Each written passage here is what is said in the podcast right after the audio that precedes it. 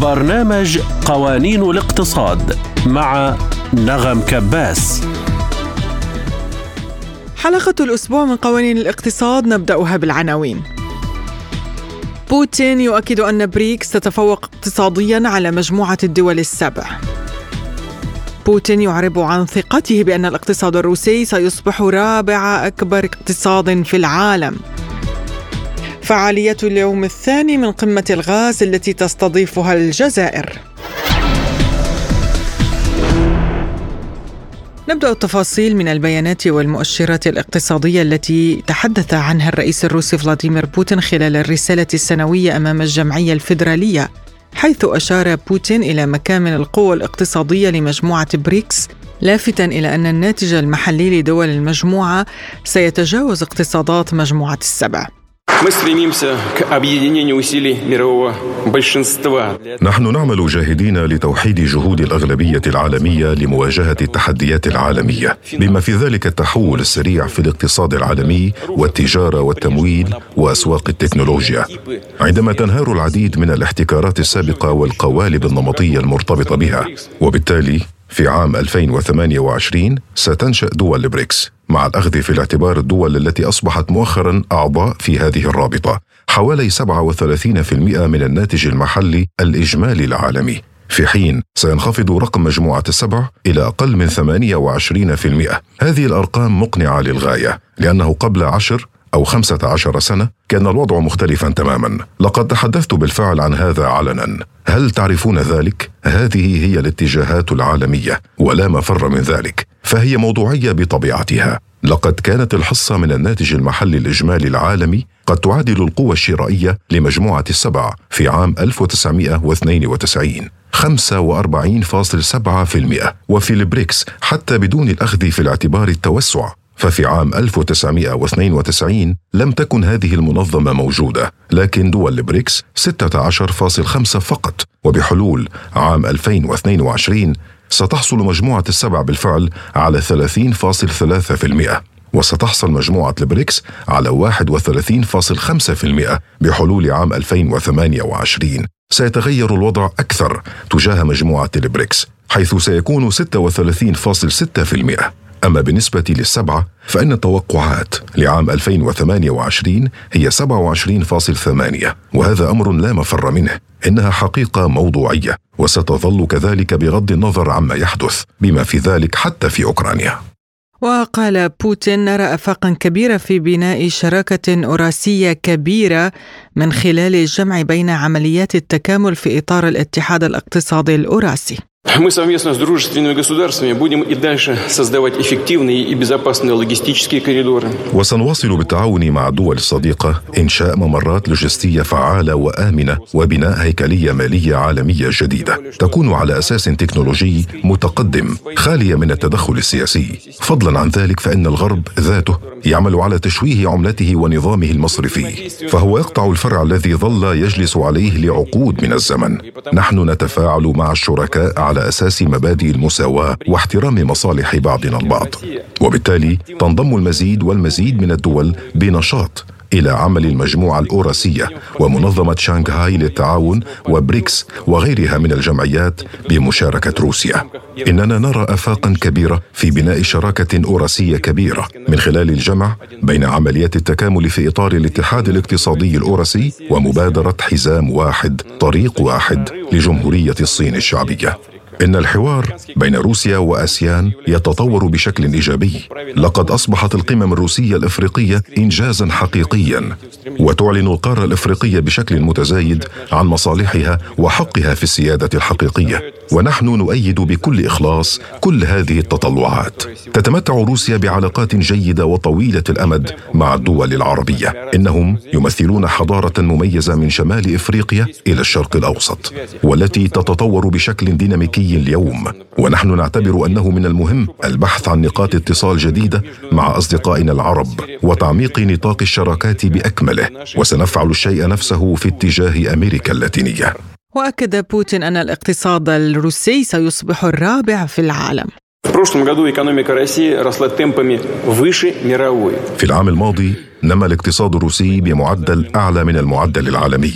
وفي هذا المؤشر كنا متقدمين ليس فقط على الدول الرائده في الاتحاد الأوروبي ولكن أيضا على جميع دول ما يسمى بالسبع الكبار. ولكن ماذا نفعل؟ أريد أن أشير في هذا الصدد إلى الدور الأساسي في هذا. قد لعبه هامش الأمان الذي تم القيام به على مدى العقود الماضية.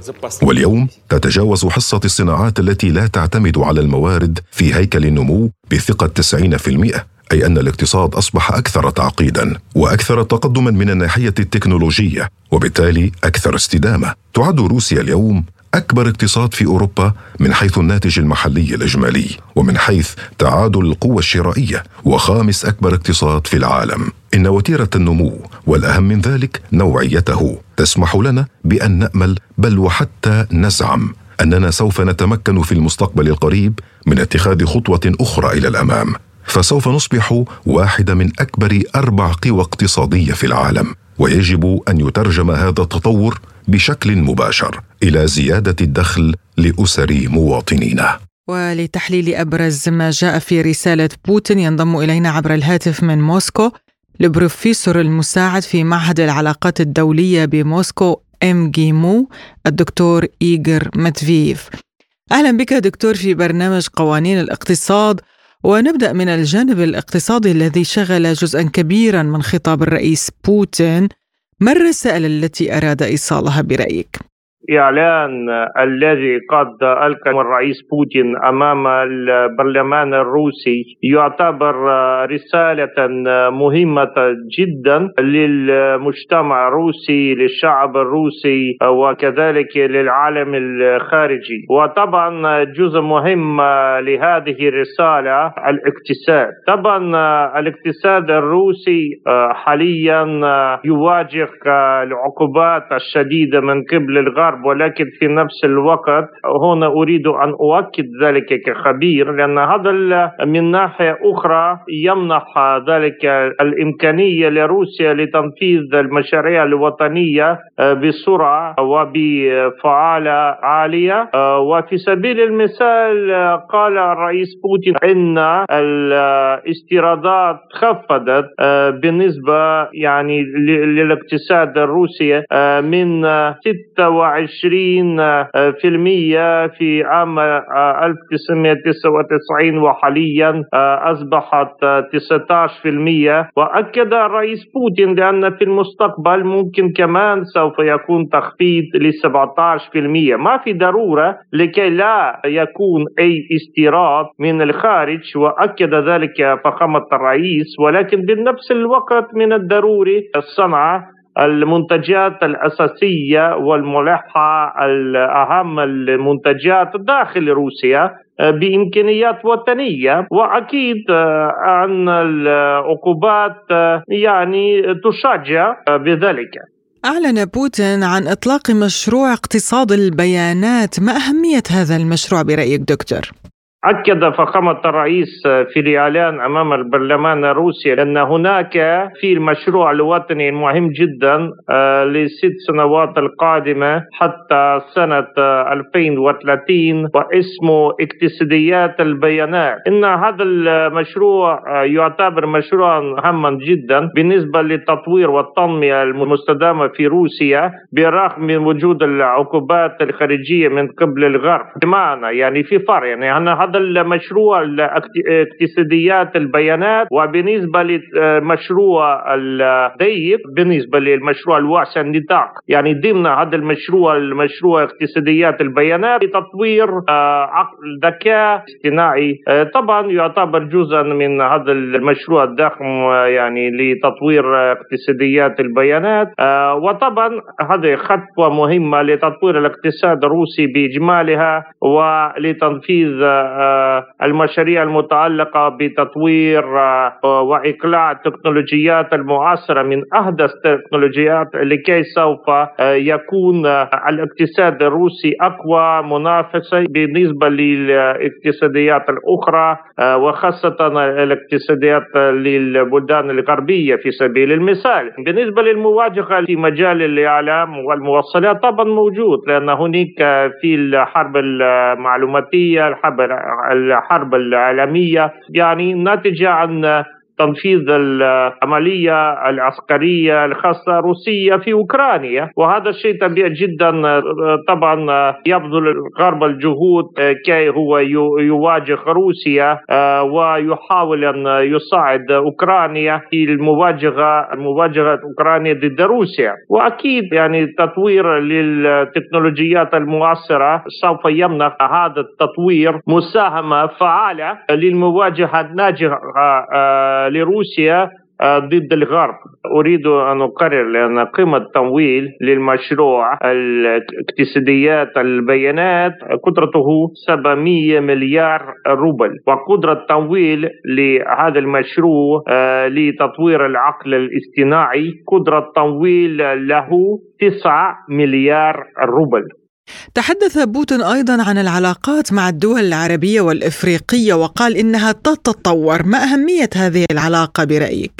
ان اتجاهات آه، لتطوير العلاقات مع البلدان الأجنبية وذكر آه، بينها البلدان العربية وقال كلمات عن الحضارة العربية والدور الهام آه، الذي طلبه البلدان العربية حاليا في العالم المعاصر. وبنفس الوقت هو كمان ذكر أمريكا اللاتينية بنفس الوقت. يعني يسمون يعني هذا الجلوبال ساوث يعني هذا الجنوب العالمي يتألف من بلدان البلدان النامية وبينها أكيد البلدان العربية. وكمان أريد أن أضيف لأن ذلك منعكس في الصيغه آه، الجديدة للسياسه الخارجية الروسية من 31 آذار عام 2023 فهناك في توجد اتجاهات أساسية للسياسه الخارجية الروسية آه، وبينها العالم الإسلامي آه، والبلدان الشرق الأوسط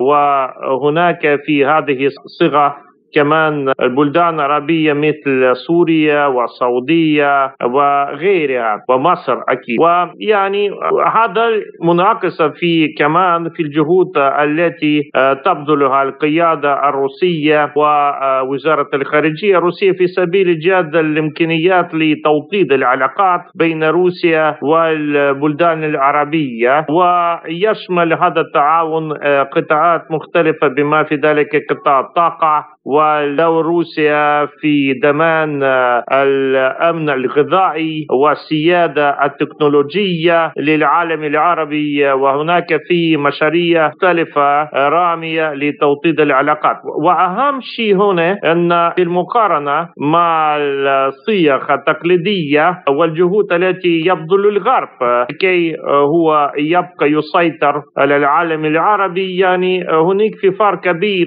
بين السياسات السياسات الغربية والسياسات الروسية وأهم لأن روسيا تعتبر هذا التعاون وطار هذا التعاون كتعاون عاجل آه، وقال فخامة الرئيس لأن هون آه، من أهم شيء احترام بمصالح متبادلة بالمصالح المشتركة وهذا دليل لحسن النية الروسية لتطوير العلاقات لما في فائدة للشعب الروسي ولشعوب البلدان العربية البروفيسور المساعد في معهد العلاقات الدولية بموسكو ام جيمو الدكتور إيغر مدفيف شكرا لك على هذه المداخلة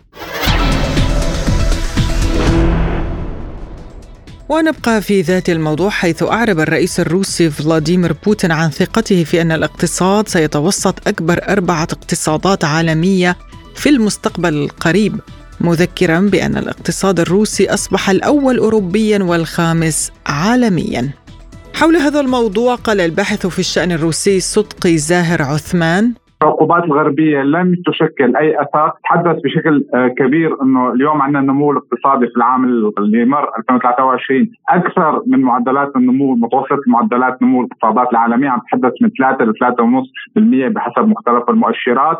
مع متوسط النمو العالمي الاقتصاد العالمي لم يتجاوز 1.8 و1.9% لكن مثل ما بيقولوا بشكل يعني عامية يعني نحن طماعين بمعدلات نمو أكبر. معدلات نمو لو تحدث على سبيل المثال في دول مثل الهند دول مثل الصين معدلات نمو 4 و5% المعوقات الرئيسية اللي تحدث عنها اللي هي حاليا هي المعوقات الديموغرافيه خصص لها فقرة طويلة جدا حوالي 20 30 دقيقة تحدث عن المشاكل الديموغرافيه اللي عم تعاني منها روسيا. قبل حوالي أسبوعين تحدث الرئيس بوتين في مناسبة أخرى إنه روسيا بحاجة حوالي مليونين ونص عامل من اليد العاملة. معدلات حاليا العطالة أو البطالة الموجودة في الشارع الروسي أقل من 400 ألف شخص نحن عم نتحدث عن معدلات بطالة تاريخية جدا السوق الروسي أو الاقتصاد الروسي ينمو بوتيره متسارعة ويتجه للنمو ونحن بحاجة ليد عامله أكبر. اليد العامله الأكبر يجب أن تكون على أساس الشعب الروسي. البرامج اللي تحدث عنها هي تكون ضمان لتنفيذ هذه الاستراتيجية ضمان للأمة الروسية لحتى تنمو أكثر تتفوق وتحصل أو تحافظ على مكانها كأحد أفضل الدول أو الأمم المتفوقة بالعالم، البرامج الاقتصادية والاجتماعية جدا طويلة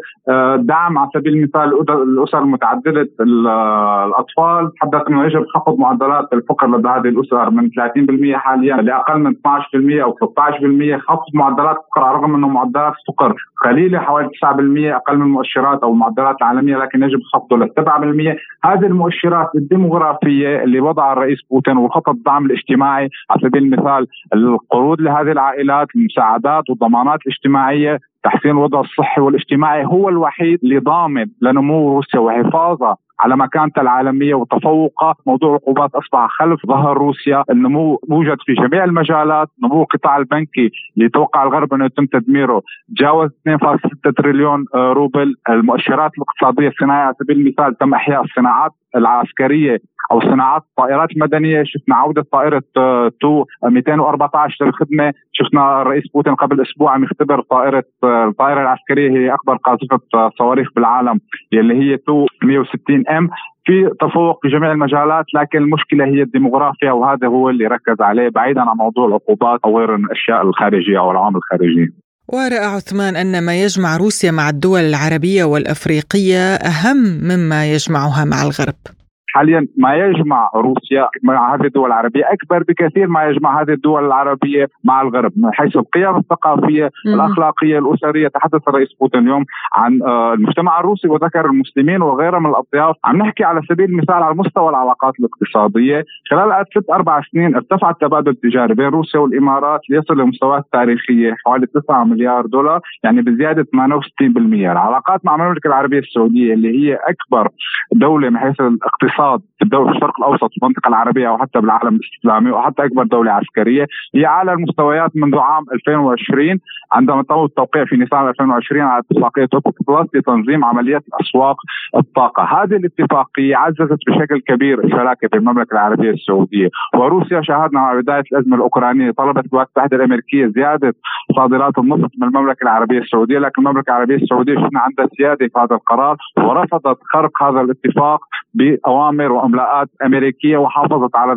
الشراكة الاستراتيجية في ضمان أمن سوق الطاقة العالمي، هذه الشراكة الاستراتيجية مع هذه الدول العربية جدا مهمة لهذه الدول العربية لحتى تتمتع بما يسمى سيادة كاملة التخلص من هذا الهيمنة الغربية المستمرة من أكثر من عقد، هذا الشيء تعيه المملكه العربية السعودية بقيادة حاليا ولي العهد محمد بن سلمان وغيرها من الدول. أيضا موضوع الأمن في منطقه الشرق الأوسط وتضارب هذه المصالح.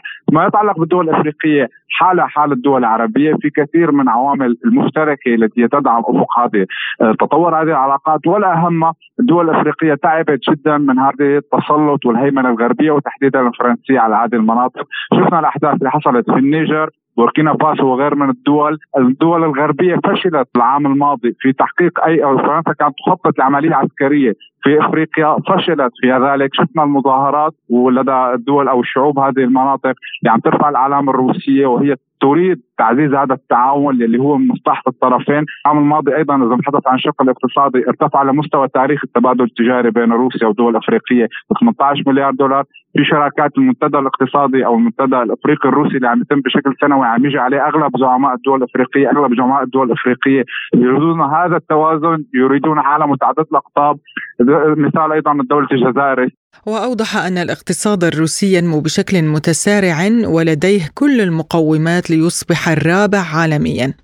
إذا تحدثنا على سبيل المثال عن معدل النمو الناتج المحلي الإجمالي للدول أكبر اقتصادات العالم أو مجموعة العشرين من العام 2000 لحتى العام 2020 عندنا الصين بالمرتبة الأولى 1260% نمو اقتصادها روسيا 466% نمو اقتصادها المركز الثاني والثالث الهند اللي هو 440% للمقارنة فقط الاقتصاد الياباني خلال هذه 20 سنة نما فقط 6% الاقتصاد الفرنسي 68% والألماني 67% هذا التقدم الروسي عم يكون مع تراجع وانكماش للدول الغربية. نحن عندنا عوامل داخلية عم نحكي إنه الاقتصاد الروسي عم ينمى لكن بنفس الوقت في اقتصادات عم تتباطأ وعم تتأثر آه، مثل ألمانيا. شاهدنا الركود الاقتصادي حاليا الركود التقني بالاقتصاد الألماني الركود التقني حاليا انسجم خلال 40 الأخيرين بالاقتصاد الياباني والركود التقني الموجود في الاقتصادات البريطانيه اللي هي أرادت بنفسها عداء روسيا فهي عم تجني آه، حصاد هذا التراجع.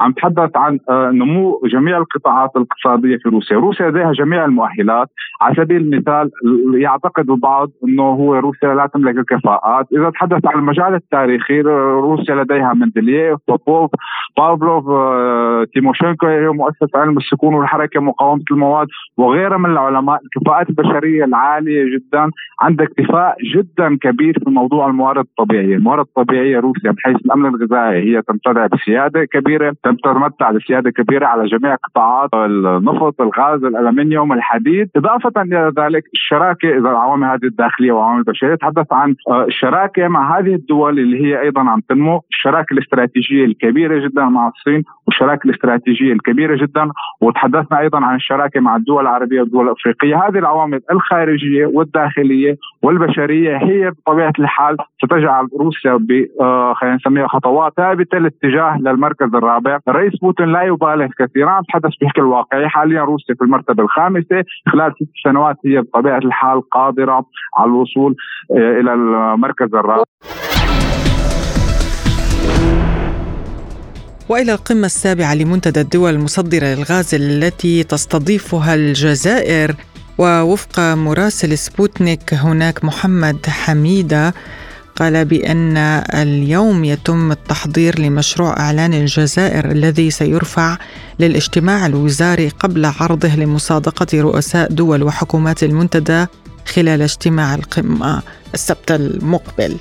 حول هذا الموضوع قال مصطفى صايج الأستاذ بكلية العلوم السياسية والعلاقات الدولية بجامعة الجزائر والخبير بالقضايا الطاقوية في تصريح لسبوتنيك إن الهدف الأساسي لمنتدى الدول المنتجة والمصدرة للغاز هو التشاور والتنسيق بين أعضائه لحماية مصالحهم الاقتصادية والتنموية. أولا يجب أن نضع في أذهاننا بأن المنتدى عندما تم إنشاؤه كانت بقناعة وإدراك يمكن أن نجد منصة مشتركة للتشاور للتنسيق للحوار. أولا بين دائرة المنتجين والمصدرين للغاز.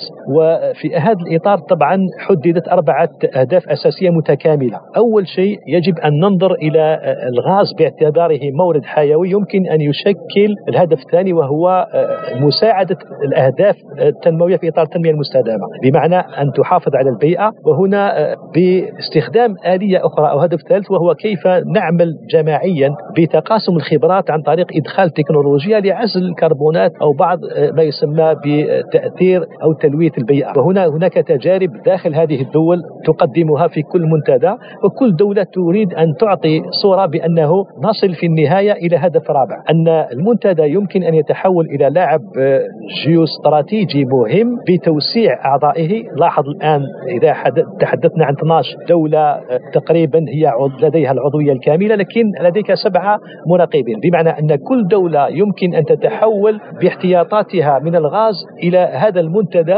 لاكتساب أهداف ومصالح بالنسبة إلى أهدافها التنموية المحلية. أولا لاحظنا مثلا نموذج موريتاني. موريتانيا اكتشافات ضخمة. سنة 2024 ستعطي مكانة للتنمية المحلية انطلاقا من مداخيل هذا الغاز والاستثمارات التي وقعتها خصوصا في تجربة مهمة جدا وهو التوافق بين آه، موريتانيا والسنغال وهي تجربة رائدة في إفريقيا أن يتم تسويه وتقاسم الثروات في الحدود المائية في اوفشور وهي نقطة مهمة. الجانب الآخر طبعا أن أهم شيء في التوقعات المستقبلية الخبراء وحتى الخبراء العاكفين على وضع التقرير النهائي آفاق 2025 هناك عد 2050 عفوا هناك عدم اليقينية في تحديد الاتجاهات المستقبلية لأنها مرتبطة بقضية النمو الاقتصادي. كلما كان النمو متصاعدا في الهند والصين ستكون الحاجة باعتبار أن آسيا تقريبا من الدول التي أكثر طلبا على هذا المورد الحيوي.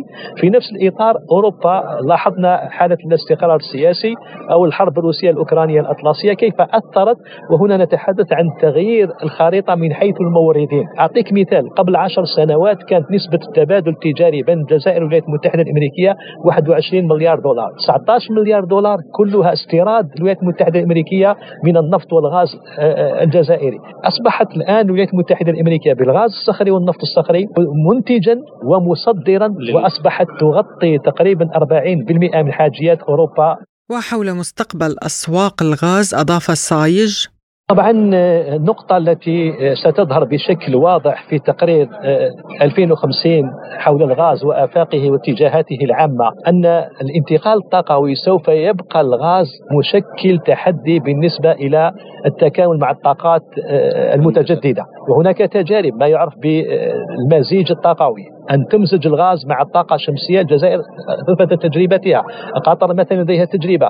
إذا هنا أن الانتقال الطاقوي سيشكل الغاز أحد الموارد التي ستتكيف معها وبالتالي هنا نعتقد بأننا يمكن باستخدام تكنولوجيا أن نصل إلى الغاز وهو بتقارير خبراء أنه هو من أنظف الطاقات الحفظ وعن الدور الروسي في استقرار أسواق الغاز قال سايج أهم شيء في الغاز أنه تقريبا نقسمه بين آه، آه، مناطق جغرافية منفصلة إلى حد ما. نتحدث عن السوق الأطلسية الأوروبية نتحدث عن السوق الأسيوية نتحدث عن السوق الشرق الأوسطية وبالتالي هنا تلك الديناميكية التي لاحظناها.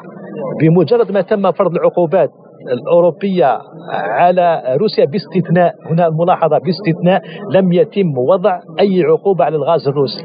بتلاعب على أساس أنه يمكن في سنة 2030 أن لا نستورد هذه الطاقة، رغم ذلك فإن هناك طرق ملتوية وأصبح الغاز المسال الروسي يذهب إلى أوروبا، لكن بالعكس أن أن الحاجة الاقتصاد في الهند وفي خصوصا الصين أصبح بحاجة إلى المورد الحيوي وبالتالي المصالح عمقت علاقاتها الاستراتيجية مع روسيا، وبالتالي هنا المنظور الذي نريد أن نبحث عليه في المنتدى هل يمكن للغاز أن يبني السلام العالمي بدلا أن يخلق النزاعات وهنا بالمناسبة فاعلين أساسيين إيران وروسيا يخضعان إلى العقوبات الاقتصادية لكن رغم ذلك أصبحت السوق هي المتنفس بالنسبة إلى استقراره من جانبه قال ممثل نائب رئيس المجلس الاقتصادي بالجزائر لمين قاضي في تصريح لسبوتنيك إن منتدى الدول المصدرة للغاز في الجزائر يناقش تحديات معروفة مرتبطة بالتمديد الطاقوي للاقتصادات الدولية.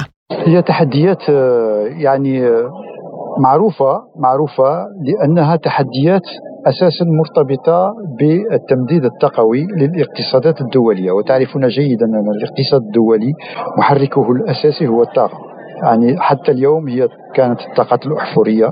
ومنذ انطلاق مسار انتقال التقوي ما يسمى بالانتقال التقوي ومشاكل والتهديدات التي تقع الناجمة عن التغير المناخي. آه، أصبح المزيج آه، المزيج التقوي العالمي أصبح يعرف تحديات كبيرة لأنه يجب أن نخفض كما تعرفون كما تعلمون أن نخفض من انبعاثات الغازات الدافئة الناتجة عن استهلاك الطاقات الأحفورية.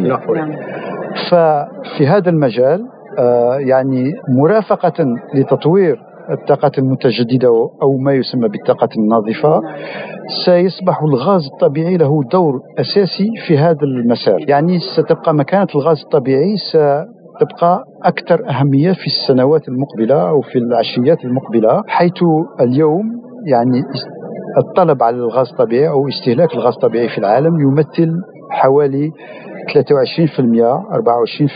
من مصادر الطاقة. ويرتقب أن هذا ال هذا ال هذه النسبة سترتفع في حوالي إلى 26% 25% 26% على آفاق 2050 هذا لا يعني أن الكمية المستهلكة ستبقى يعني هي هي ولكن سيخلف استهلاك الغاز الطبيعي سيخلف استهلاك أساسا البترول النفط نعم. والفحم. نهاية هذه الحلقة الأسبوعية من قوانين الاقتصاد والتي تأتيكم كل يوم جمعة من استديوهات سبوتنيك في موسكو. وأقدمها لكم أنا نغم كباس. لا تنسوا متابعة سبوتنيك عبر الموقع الإلكتروني سبوتنيك Arabic dot AE وأيضا قناتنا على تليجرام سبوتنيك عربي. إلى اللقاء.